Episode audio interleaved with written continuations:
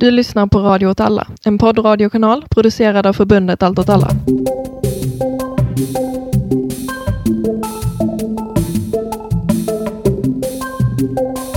Hej och välkomna till Frisyran. Det är jag, Martin och Kalle som är dagens poddgörare. Ja, Content creators. ja. Och eh, vi ska prata om eh, renovräkningar och vi har intervjuat en som bor på Kalendervägen 6018 i Göteborg i stadsdelen Kortedala. Där de boende just har ut, höll på att utsättas för en renovräkning och de gör Mm. motstånd mot den. Så vi har intervjuat honom. Och eh, vi ska prata lite om vad renovräkningar är. Eh, men först ska vi prata lite om frisyran. Ja, eh, och det, som har hänt sen sist, vi försöker ju släppa ungefär en gång i månaden, men ibland så blir det lite sämre. Men det som har hänt sen sist i kampanjen är väl till att börja med så har vi satt igång med liksom vår tanke om en långsiktig eh, praktik som är att vi ska försöka blockera så mycket fastighetsägarkontor som möjligt med flyttkartonger. Eh, och filmade. Eh, den videon finns kvar på våra sociala medier. Den ligger bland annat uppe på frysyran.se. Och det ska vi försöka göra lite hela tiden och det är kul. Eh, vad tycker du om flyttkartongen som symbol? Ja men det är väl en helt okej symbol. Jag tycker det är en fantastisk symbol. Ja, det är en fantastisk jag, jag tycker den eh, samlar så mycket i en liten låda liksom. Ja, Eh, verkligen. så mycket att ha behövt flytta och så mycket, jag vet inte. Det är också lätt att blockera med den. Ja, och utöver det så håller vi på att förbereda en större flygbladsutdelningskampanj till hushåll. Ja. Vi eh, affischerar som vanligt, ja. då och då. Nu börjar det bli jävligt kallt, så Ja. nu tar det emot lite Men- att ge sig ut i mörkret. Det är också ganska lätt att affischera när det är är kallt, för det fryser liksom fast. Ja. Eh, och vi förbereder eh, inför framtiden kan man säga. Vi avslöjar inte så mycket om det, men det finns ju stora planer. Ja, lite kan man väl avslöja, som är att man som sympatisör kommer kunna bidra mycket, mycket mer Ja, inom någon typ av framtid. precis. Och fram tills dess så kan man gärna köpa vår eh, frisyran-tygkasse som vi har på webbshoppen. Just Allt det, åt allas webbshop. Du kan ju bara googla. webbshop.alltotalla.se Ja. om man saknar Google-kompetens. Och den kostar 50 spänn. Ja, det är Så det- nästan gratis. Det är nästan gratis, vi går, vi går väldigt mycket vinst. Men Ja. inte så mycket vinst. Nej, vi går ganska lite med vinst per Ja, typ. kanske. Det, men eh, utskaren, den är fantastisk. Eh, Men eh, en, innan vi börjar prata om den här intervjun som vi har gjort, så vill jag ändå prata om att vi också har fått ett ganska mycket Gensvar. gensvar. Vi kan ju börja med att Vänsterpartiet Malmö nu har, även om det inte är samma grej, så har de krävt att frysa hyrorna specifikt hos MKB, vilket är en ganska, liksom, i jämförelse är det ju en annan typ av projekt, men, Mm. men det är ändå relaterat och det eh, säger ändå någonting om liksom, eh, att, att folk inte, att det är helt jävla obegripligt med eh, höjda hyror. Mm. Att det, liksom, det känns så himla inte 2020. Nej, det känns, det känns verkligen gårdagen. Som något jävligt medeltida liksom. Eh, och, och det tycker jag är ju fantastiskt. Eh, Och sen har ju eh, Hyresgästföreningen Västsverige också velat kräva hy- eh, frysta hyror i förhandlingarna med hyresvärdarna till våren. Ja. Och eh, det finns också mindre hyresgästföreningsavdelningar som kräver frysta hyror och till och med lägre hyror. ja, de är coolare än vi helt enkelt. Och i Berlin eh, så har de också fått igenom lägre hyror. Ja, det är så ball. Men det, det är en del av deras liksom, fryshyran-koncept är liksom de här sänkta hyrorna. För att de har, det, det som gått igenom är att eh, hyrorna ska frysas till en specifik Mm, nivå. Och i många precis. fall så är den nivån lägre än den som nu råder. Ja. Och jag tror också Vänsterpartiet Göteborg har krävt Ja. frysta hyror. De har ju till och med snott vår paroll. Det har de. Göteborg ska inte bli som Stockholm. Exakt. Eh, och det är ju kul, Ja, så det börjar röra på sig. Ja. Både aktivistmässigt, det vi Ja. gör, men också det politiska landskapet börjar förändras lite. Så det är jättekul att se. Men, men eh, eftersom att intervjun är i Göte- eh, kom, handlar om Göteborg och vi har, vi har ju gjort den för att vi tänker att det hade varit kul att prata om någonting som liksom händer just nu Mm. i bostadsfrågor. Så tänker jag att man ändå borde eh, introducera staden Göteborg lite till att börja med. Ja, Vad- när ska jag börja? 1600? nej, nej, jag, jag menade mer eh, kanske de senaste tio åren. För det, det har hänt väldigt mycket i Mm. Göteborg. Göteborg är väl precis som Malmö ett sånt exempel på en stad där man försökt liksom rädda staden ifrån en industri som blir mindre viktig. Ja. Även om det fortfarande finns stora arbetsplatser i Göteborg. Det finns Mm. fortfarande kvar Volvo och sådär. Det är inte som här där alla stora arbetsplatser försvann. Utan det Men nu kvar. har vi ju Massive. Vi har ju Massive nu ja. Jag skulle bli 800. Men Volvo har väl, vad är det, 3-4 tusen anställda minst. Ja. Plus underleverantörer. Så det är en Yes. stor, men skitsamma.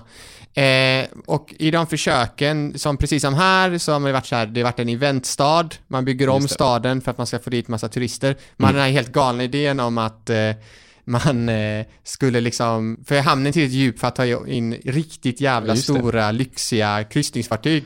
Så då var det liksom en sån kommunalpolitisk idé att man eh, då skulle få dit de här lyxturisterna och de skulle Mm. spendera i snitt per person, var, var det 1500 kronor Mm. på en timme i Göteborgs centrum och det är inte sant. Det är intressant. Nej, så det, den staden är liksom i lite samma processer som här. Mm. Och det finns stora miljonprogram i utkanten av staden. Vi har Frölunda, vi har Kortedala, eh, vi har Biskopsgården, Mm. eh, vi har Bergsjön och så vidare. Alla de här är också, precis som i Stockholm och här, att de är eftersatta i underhållet. Miljonprogrammet var ju väldigt, väldigt stort i Göteborg Ja. på ett sätt som det inte var i Malmö. Alltså Nej. absolut, vi hade ett miljonprogram. Men miljonprogramsprojektet satte ju inte igång på riktigt i Malmö för att eh, Typ eh, Hyllie är ju ett kul exempel. Mm. Hyllie skulle ju vara ett miljonprogramsområde. Malmö stad köpte upp hela Mm. tomten liksom och skulle bygga. Men sen eh, beslutade man från statens håll att så, vi behöver inte fler. Nej, så så Malmö inte- fick, hängde liksom aldrig med. Medan. Göteborg är ju typ bara miljonprogram. Mm, exakt, man rev ju också Alltså man får med sig också i- att i Göteborg på 60 och 70-talen, så sent som 60 och 70-talen så var det ju stora delar, till exempel Haga betraktades som slumområde, vi har Mm. Masthugget också ett, eh, liksom betraktades som mer eller mindre slum. Mm. Och där var ju en lösning, en sån sak man gjorde för att rensa upp det sociala träsket, det var ju att Mm. riva bostäder och bygga nya. Eh, och Kortedala som vi kommer prata om då, där Kalendervägen ligger, är ju ett exempel på sånt område som man byggde då, där jag tänkte att den arbetarklassen skulle flytta till från till exempel Gamlestan Ja. eh, och få rinnande vatten och så där fungerar toalett, eh, vilket är fantastiskt. Men, och att varje miljonprogram skulle ju ha en eget centrum, ett så kallat eh, eh, ABC, ABC. Arbete precis. Bostadscentrum. Exakt. Eh, men ja, och sen skedde ju, ja, sen skedde Sveriges historia helt enkelt. Så, Ja, för det, det som hände var ju att de här miljonprogrammen, även i, alltså miljonprogrammen generellt i Sverige blev väldigt eftersatta, Mm. för det fanns, ingen, det fanns en aktiv politik för att bygga dem, mm, men det saknades en aktiv politik Precis. för att bevara dem. ja, Så man sköt ju liksom det till framtiden hela tiden. ja, Och eh, de senaste typ tio åren så har det liksom nått en kritisk gräns. Precis. Där liksom, om man inte rustar upp miljonprogrammen så Nej. kommer de förfalla. Och sen precis som här så har ju också staden blivit större så att säga. Alltså Ja. staden har ju alltid gått till Bergsjön såklart. Bergsjön har alltid varit en del av Göteborg till exempel men Mm. eh, man förtätar staden mer och mer. Så, så om centrum tidigare tog slut kanske vid eh, eh, Lu- Lunden eller vid Rebersplatsen Mm. så har det nu börjat flytta sig ner mot Gamlestan och, och Mm. de gentrifieringsprocesserna har börjat. Mm. Och Kortedala ligger ju 10 minuter från Gamlestan, en gångpromenad. Så man är Mm. väldigt intresserad av att också exploatera det området liksom. Ja, men, men det som har hänt politiskt det senaste kanske man också ska prata om. Det finns ju väldigt mycket liksom så bostadspolitiska aktörer Mm. i Göteborg. Man, man kan ju börja med eh, Allt alla Göteborg som driver frisyran-kampanj även där till, till att börja med. Men sen har det också skett många så lokala små hyresgästkamper. Vi har ju Pennygången för några år sedan. Mm. Som var när Stena försökte på sig en ren, renovräkning Mm. i Pennygången, eh, ett område i Göteborg, eh, och misslyckades. Just, ah, de, alltså hyresgästerna vann på så sätt att hyreshöjningen bara blev 14 procent Ja, vill jag minnas. Så precis. det, det, alltså, det är ju en seger. Men, ja, det är en seger. men det är ju trist ändå. Nej, liksom. men det var inte noll, eh, alternativet vann inte, som vi kommer Nej, komma in på mer sen.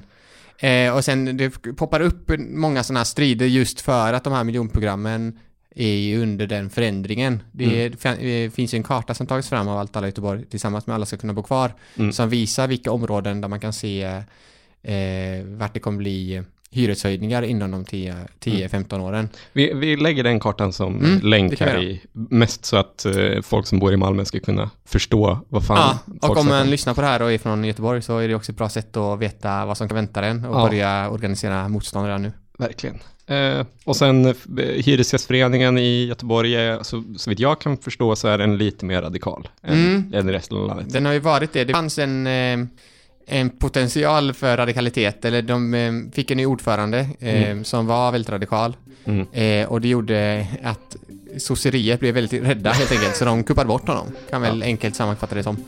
Eh, och under den tiden han var ordförande så lyckades de liksom föra en mer radikal politik. Mm. Men det pågår ju, jämfört med här i stan, så pågår det kanske en mer öppen strid mellan ledning och gräsrötter.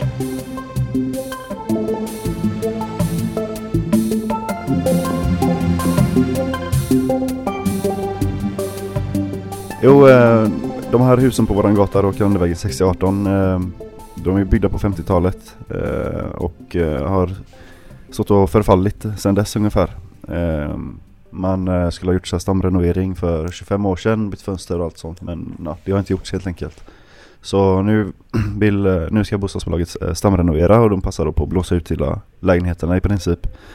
Eh, och eh, i deras åtgärdsförslag så har de smugit in eh, väldigt mycket standardhöjande åtgärder som eh, ja, kommer leda till att eh, hyran höjs väldigt mycket. Eh, en standardhöjande åtgärd är eh, till exempel eh, till exempel om de sätter in en elektrisk handdukstork så, kan de, eh, så har de rätt att höja hyran eftersom att det höjer bruksvärdet i alla 210 eller vad det är lägenheter på eh, den här delen av gatan. Mm.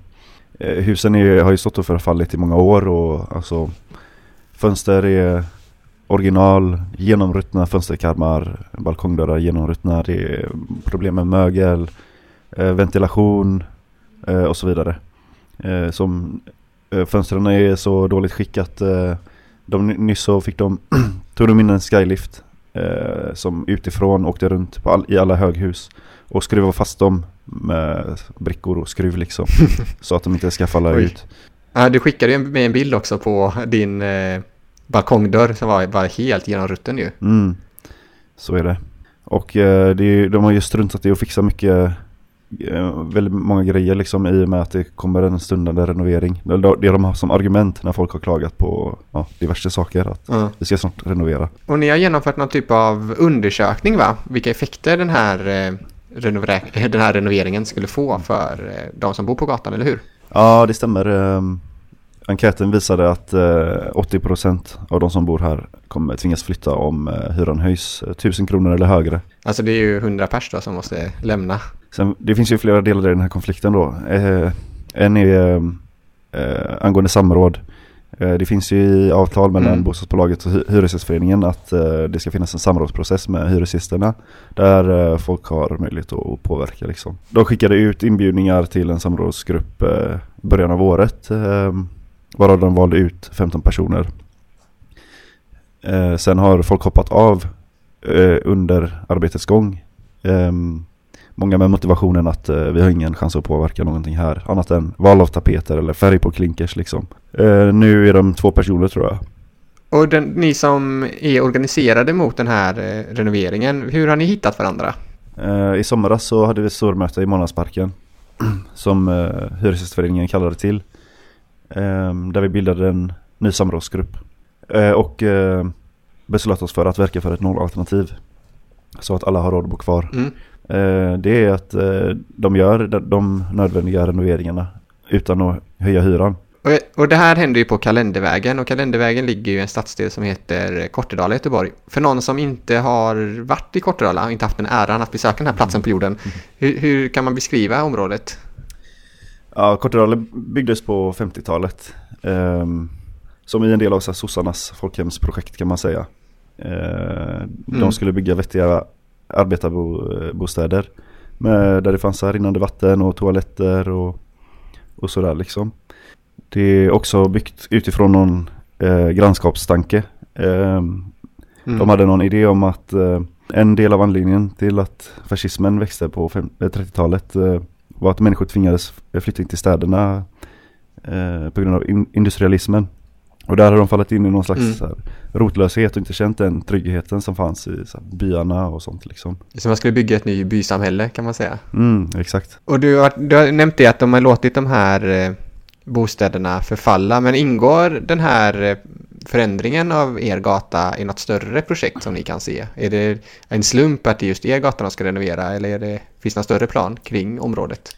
Om man kollar på stadsbyggnadskontorets eh, planer för Göteborg 2035 heter det så um, är Kortedala en ganska central del i det liksom. Det de har någon tanke om att de ska bygga, bygga ihop mellanstaden som de kallar det då som är de här satellitstäderna runt Göteborg då.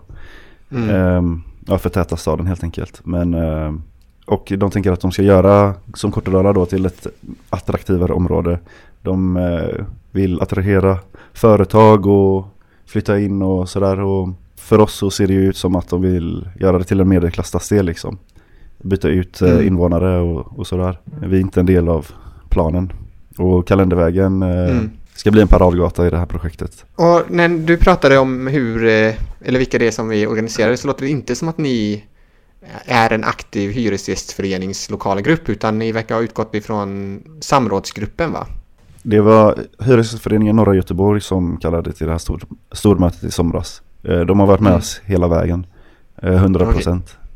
Sen verkar det finnas en eh, splittring inom Hyresgästföreningen mellan gräsrötter och centralt. Eh, Centralt så känns det som att de vill eh, att det här ska bara gå smidigt förbi liksom. Våran förhandlare från Hyresgästföreningen eh, gjorde någon kohandel där med bostadsbolaget utan vår vetskap. Där eh, Okej. de eh, kom överens, verkar det som, det är ingenting som är helt klart eller sådär, men om en eh, hyreshöjning om 15%. Eh, dock så, Oj, ja, det är eh, ändå ganska hög hyreshöjning. det är det absolut, men eh, det är också, Ja. bostadsbolagets e- egna ord är det ju att de har en ambition att inte det ska komma högre än 15% vilket inte betyder någonting liksom.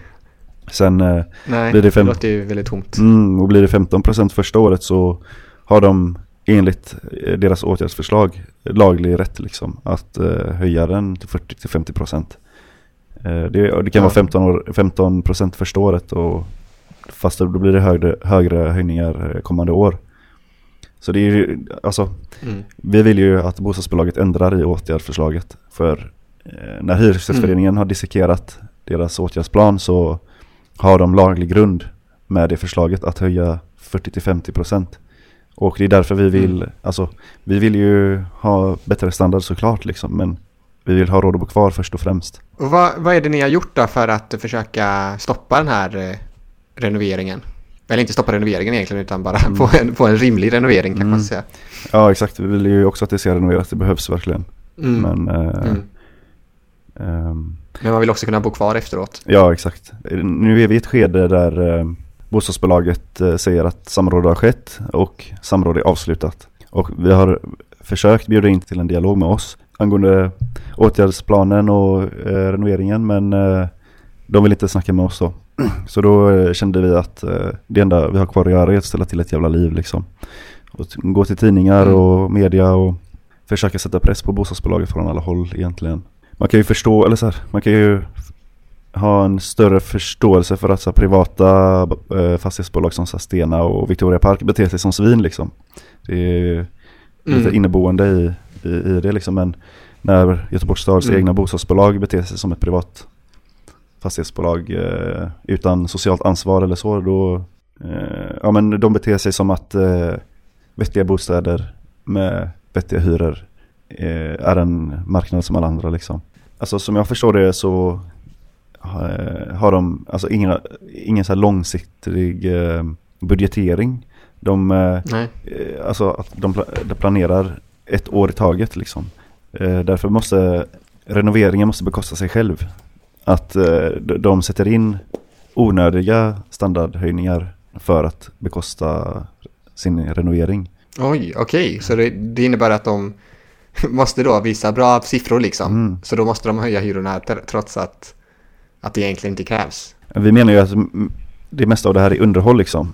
Och eh, sen Mm. om de sätter in en elektrisk handdukstork, det, vi vill inte ha det liksom. Men gör de Nej. det så har de laglig rätt att höja hyran liksom för att det höjer bru- bruksvärdet. Du pratade också innan vi spelade in om eh, att eh, ni hade gjort någon form av manifestation i veckan. Ja, vi hade en, ehm, en slags ljusmanifestation, eh, corona-anpassad såklart. Eh, där vi stod längs med de påverkade husen. Eh, så hade vi marschaller och med plakat, nej till renovräkningar och så vidare. Ehm, och så lite media där och sådär för att uppmärksamma det här då. Och det var skitfint. Det, Mm. ja, men det kom ut grannar och ville gå med i samrådsgruppen och ja, det var jättebra. Vi har nyhetsbrev som vi försöker dela ut till alla lägenheter i brevlådan. Lite vad som händer och vad som händer i processen med bostadsbolaget och sådär. Och bjuder in till möten med samrådsgruppen och ja, så har vi en eh, Facebookgrupp eh, som heter Alla ska ha råd att bo kvar, eh, stöd kalendervägen 6018. Där får alla gärna gå med. Ja, innan vi bestämde att vi skulle spela in så vi var inne och kollade på en karta som är gjord av Alla ska kunna bo kvar och Allt alla faktiskt som heter Spårvagnskartan där man kan se eh, vilka områden som i Göteborg som kommer råka ut för en hyreshöjning de kommande 5-10 åren utifrån en forskare på Chalmers eh, forskning. Och där såg det ut som att det var väldigt mycket röda områden i ytterområdena. Har du några tips till dem som eh, eh, skulle vilja börja jobba med den här frågan redan nu och förbereda sig för att mö- möta eh, den här typen av förändring eller den här typen av försök till renoveringar och eh, höjda hyror i sina områden. Prata med era grannar. Alltså styr upp ett möte med grannarna. Knacka dörr, eh, köta med era grannar liksom. Styr upp ett möte. Och eh, om man redan innan är organiserad så kommer man tvinga fastighetsbolaget att prata med er liksom. Eh, Jag kan ju känna en atti- attitydsförändring från bostadsbolaget. Från att vi började härja om det här liksom. Ehm, De har tonat ner, de har tonat ner sin retorik utåt. De har, att de ens har Mm. så här, tagit 15% i sin mun visar ju att ehm, det vi gör har gjort skillnad redan liksom. Sen eh, Mm. vet man ju aldrig vad det kommer hamna på till slut liksom. Men hade vi bara låtit det här passera så hade det så hade det varit kört för oss. Då hade de gjort precis som de hade Mm. velat och vi hade tvingats bort från våra hem. Och om man lyssnar på det här och känner, jag bor inte på Kalendervägen, men jag vill gärna stödja det, den kampen mot eh, eh, hyreshöjningarna där. Hur ska jag gå tillväga då tycker du? Jag tycker man kan, eh, man får gärna gå med i våran eh, Facebookgrupp där. Och eh, ställ frågan till bostadsbolaget. Vad, hur tar ni ert sociala ansvar under den här pandemin? När ni eh, försöker genomföra de här eh, renovräkningarna på kalendervägen. Helt enkelt mejla eller höra av sig till bostadsbolaget och fråga vad de fan de pysslar med. Det hade varit eh, gött. Absolut. Eh, Men de, viktigaste grejerna som vi kräver här då, det är ju liksom, vi vill ha ett nollalternativ. Alltså att vi, vi- vi vill att lägenheterna ska renoveras. Vi vill ha liksom, vi vill ha fungerande lägenheter som är hälsosamma att bo i. Eh, Men vi vill, vi vill ha ett nollalternativ liksom. Vi vill ha ett nollalternativ och vi, vi vill att eh, bostadsbolaget ska, vi vill att bostadsbolaget ska ha en dialog med oss hur det här Mm. ska genomföras på ett varsamt sätt. Vi har ju också um, tagit kontakt med ja, folk ur andra samrådsgrupper, alltså andra sådana här liknande kamper i staden. Mm. Så till exempel vi hade en från eh, kvarteret Lintotten i Lunden som eh, Okej. Berättade om deras eh, kamp mot eh, renoveringarna där. Det är ett väldigt bra, det är en väldigt bra grej, ta kontakt. Det händer ju sådana här grejer överallt liksom. Ta kontakt med de som har fört framgångsrika kamper. Och få inspiration och tips. Ja, exakt va.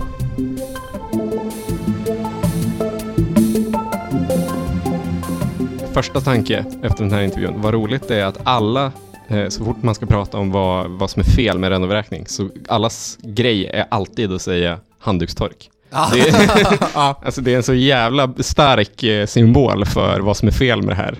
En, en elektrifierad handdukstork som kostar dig pengar varje månad. Liksom. Och är helt jävla onödig. Ja, helt jävla värdelöst. Jag, jag har aldrig haft en sån i hela mitt liv. Nej, inte heller. Jag kommer nog aldrig ha en heller. Men, men det tyckte jag var kul. Sen, eh, sen är det ju eh, kul att lyssna på folk just från Göteborg, för att det är ju det är en lite annan situation. Mycket på grund av att renovräkning är så himla mycket vanligare där, just på grund av att de har mycket mer miljonprogram. Mm. Eh, men också för att det finns en mer liksom, livlig bostadsrörelse, får, Mm. får man väl bara erkänna. Liksom. Ja. Men jag nämnde ju allbolagen. Tänkte Ja. att vi kanske kunde utveckla det lite.